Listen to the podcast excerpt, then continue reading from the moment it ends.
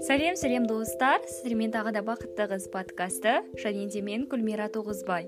Бүгін біз сіздермен бірге ағылшын тілін қалай тез үйренуге болады деген тақырыпта подкастымызды жалғастыратын боламыз. Және де осы подкаст арқылы сіздердің ағылшын тілін үйренуге деген қызығушылықтарыңызды оятуға тырысатын боламын. Олай болса бастаймыз. Кез келген тілді үйрену үшін ең алдымен адамға мақсат керек деп ойлаймын. Егер де сіз алдыңызға мақсат қоятын болсаңыз сол мақсатқа жету жолында ол тілді үйренуден ешқашанда бас тартпайтын боласыз. Ал егер де сіз ағылшын тілін үйренемін деп шешім қабылдаған болсаңыз онда мен сізге бүгін ағылшын тілін тез үйренуге болатын кеңестермен бөлісетін боламын. Ең бірінші кеңесім ол сөздік қорды дамыту керек.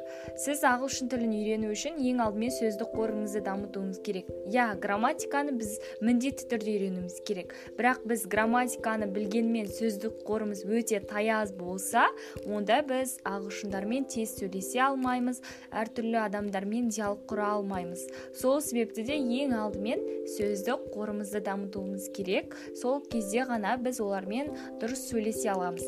Мысалы біз қазақ тілінде сөйлеген кезде де егер де біздің сөздік қорымыз өте аз болса онда біздің сөйлеген сөзіміз өтімді болмайды және де сөйлеген сөзімізде ешқандай мән мағына болмайды. Егер де сіз де бірінші кезекте сөздік қорыңызды дамытып одан кейін барып сөйлейтін болсаңыз грамматиканы үйрене болсаңыз онда сіздің сөздік қорыңызда сөйлеу мәдениетіңізде өте керемет болады. Ал екінші кезекте бізде грамматика.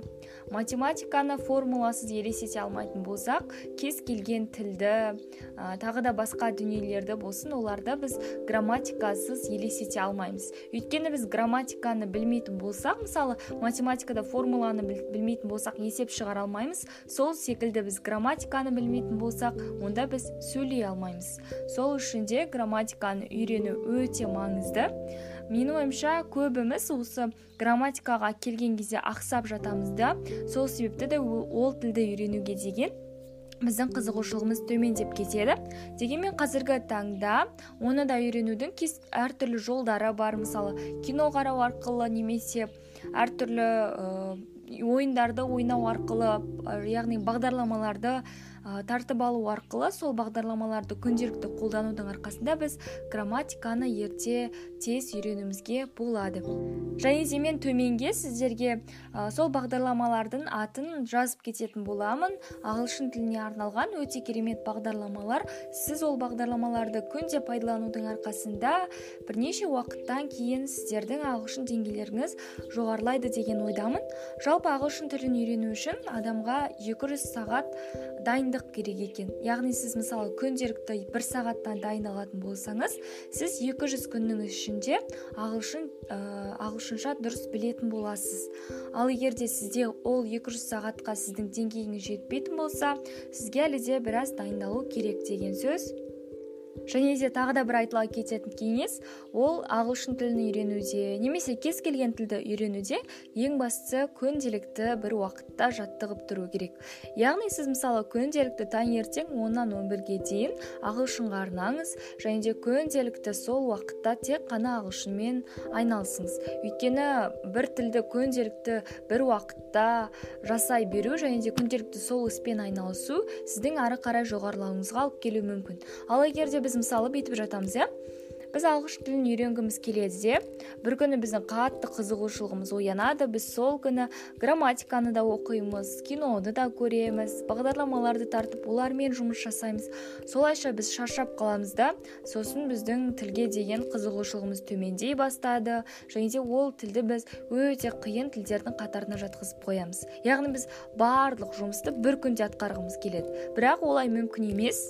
Сіз күнделікті аз аздан жасаудың арқасында ғана оған ә, былайша айтқан кезде дұрысырақ көңіл бөле аласыз және соның арқасында нәтижеге жете аласыз. Ал егер де сіз олай жасамайтын болсаңыз онда сізде нәтиже де болмайтын болады.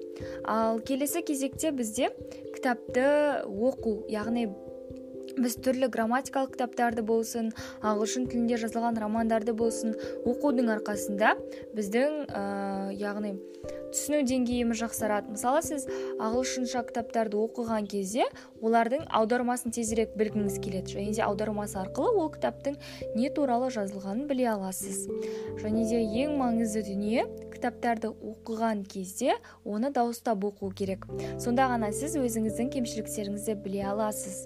Ал егер де сіз оны дауыстап оқымайтын болсаңыз іштей оқитын болсаңыз мысалға сізде ешқандай қателік кетпеген секілді. Ал егер де сіз оны дауыстап оқыған кезде өзіңіздің яғни оны дұрыстап оқымай жатқандығыңызды өзіңіздің барлық қателіктеріңізді біле алатын боласыздар. Сол себепті де кітапты дауыстап оқыңыздар.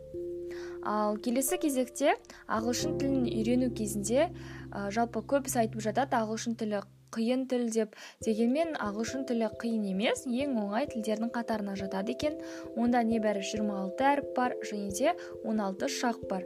Негізінен ә, көбіміз шақтарды үйренген кезде қиналып жатамыз. Бірақтан да олармен де күнделікті жаттығудың арқасында ә, біз ешқандай қиындықсыз екі үш айдың ішінде ағылшын тілін дұрыс үйреніп алуымызға болады. Ол үшін бізге жаңағыдай дұрыс жүйе керек. Яғни өзімізге дұрыс жүйені құрып мақсатты анықтап алуымыз керек. Мысалы біз мектеп кезінде дұрыс жүйе бойынша сабақ өттік те және де сол уақытта өткен дүниелеріміз өткен сөздеріміз ә, ағылшынша өткен бір сабақтарымыз есте қалды иә? Ал одан кейін біз жүйелі түрде емес өзіміз әйтеуір курсқа бардық анда бардық мында бардық солайша ары қарай тағы ағылшын тілінде оқыдық. Бірақ ол бізде жүйелі дайындық болған жоқ. Яғни біз біресе мына жақтан біресе мына жақтан әртүрлі жақтардан білім алдық та бізде жүйелі дайындық болмай ол заттардың барлығы мысалы есімізден шығып кетеді. Яғни біз ол нәрсенің бәрін ұмытып кетеміз. Сол себепті де ең алдымен бізге жүйелі түрде дайындық керек.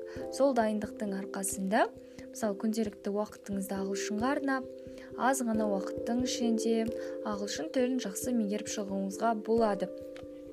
Жалпы айтып жатады ғой мысалы ағылшын тілін үйрену үшін көптеген курстар бар. Мына курс жақсы деп айтып жатса бір досымыз ал екінші досымыз басқа бір курсты мақтап жатады. Негізі курсқа бармай ақ өзіңіз үйде отырып ағылшын тілін үйренуіңізге болады. Бірақтан да ол үшін жаңағыдай өзіңізге дұрыс мақсат қойып алуыңыз керек. Ал егер де сіз бір курсқа барып мысалы ағылшын тілін үйренемін деп бірақтан да кейін одан ешқандай нәтиже болмай жатса оған бірден бір кінәлі өзіңіз. Өйткені сіз өзіңіздің алдыңызға сол тілді дұрыс үйренемін деп мақсат қойған жоқсыз және де дұрыс дайындалған жоқсыз. Егер де сіз дұрыс дайындалатын болсаңыз күнделікті ағылшынға уақытыңызды арнайтын болсаңыз онда сіз дұрыс нәтижеге жететін едіңіз. Өйткені барлық курстарда сізге беретін білімі бір. Олардың мысалға кейбіреулер ә, сізге тәттілер беріп солай ә, сіздің бағаларыңызға қарап жақсы қарым қатынаста болып ағылшын тілін үйренуі мүмкін. Ал кейбіреулері кәдімгі классикалық түрде кәдімгі форматта сабақтарды өтіп солайша сізге білім беруі мүмкін. Яғни бәрінің де бірақ беретін білімі бірдей. Сол себепті де барлығы да өзіңізге байланысты ағылшын тілін қанша уақытта үйренемін десеңіз де оған өзіңіздің ә, еркіңіз біледі. Жаңадан бері айтып жатқан мақсат қою деген кезде ең алдымен сіз өзіңіздің деңгейіңізді анықтап алуыңыз керек.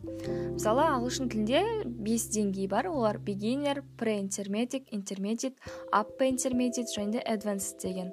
Яғни сіз бірінші кезекте өзіңіздің деңгейіңізді анықтап алуыңыз керек және де сол деңгейіңізге қарай курсқа жазылып немесе үйде отырып ағылшын тілін басынан бастап үйренуіңізге болады. Ең алдымен нөлден бастап үйренген кезде жаңағыдай күнделікті уақытты арнау керек. Мысалы бір күн бірінші күні сіз грамматикамен шұғылданыңыз ал екінші күні кино көріңіз ал үшінші күні мысалы сөздік жаттаңыз.